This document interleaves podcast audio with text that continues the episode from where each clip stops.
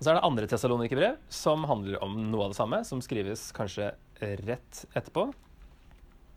År 50 eller år 51. Det er fortsatt forfølgelse, men nå er det at å, kanskje Jesus har kommet igjen, da, men vi har ikke fått med oss.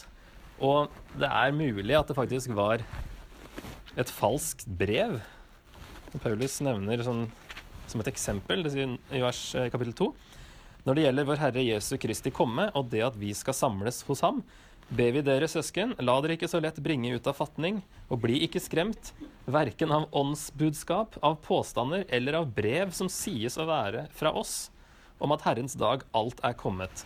Så kanskje var det faktisk et falskt brev, som, falsk Paulusbrev, som sa at Jesus hadde kommet igjen.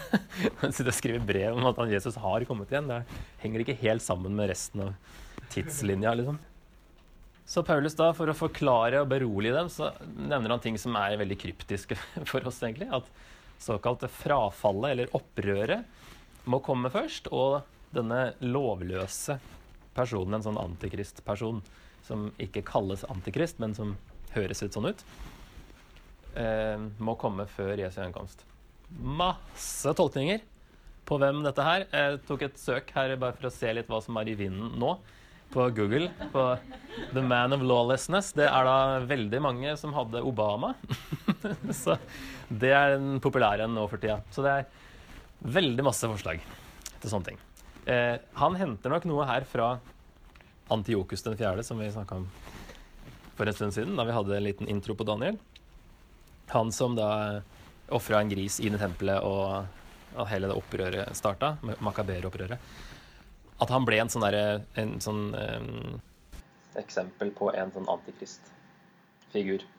Som, uh, som, Paulus henter litt av det samme her når det står uh, Den lovløse må vise seg, han som er fortapelsens sønn. Han står imot og opphøyer seg over alt som kalles Gud og helligdom.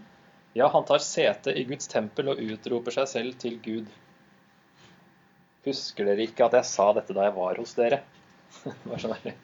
Derfor han ikke sier noe mer her. Derfor ikke vi vet noe mer. Fordi han, dere vet egentlig dette her. Dere vet hva som nå holder igjen, slik at han åpenbarer seg først når hans tid er inne. Så de vet ting som gjør at Paulus ikke nevner det her. Og da må vi bare spekulere og si at det er Obama og sånne ting.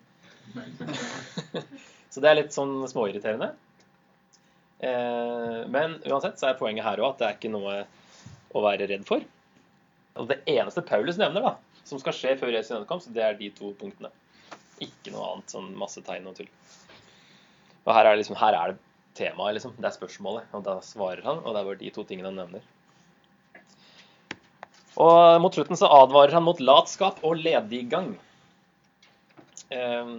det å kanskje tenke at Jesus eh, kommer straks og ikke jobbe noe mer, eller Jesus har kommet igjen og det er ikke vits i å jobbe mer. Så det sier han det er bare å fortsette å jobbe. Den som ikke jobber, skal ikke få spise, sier han.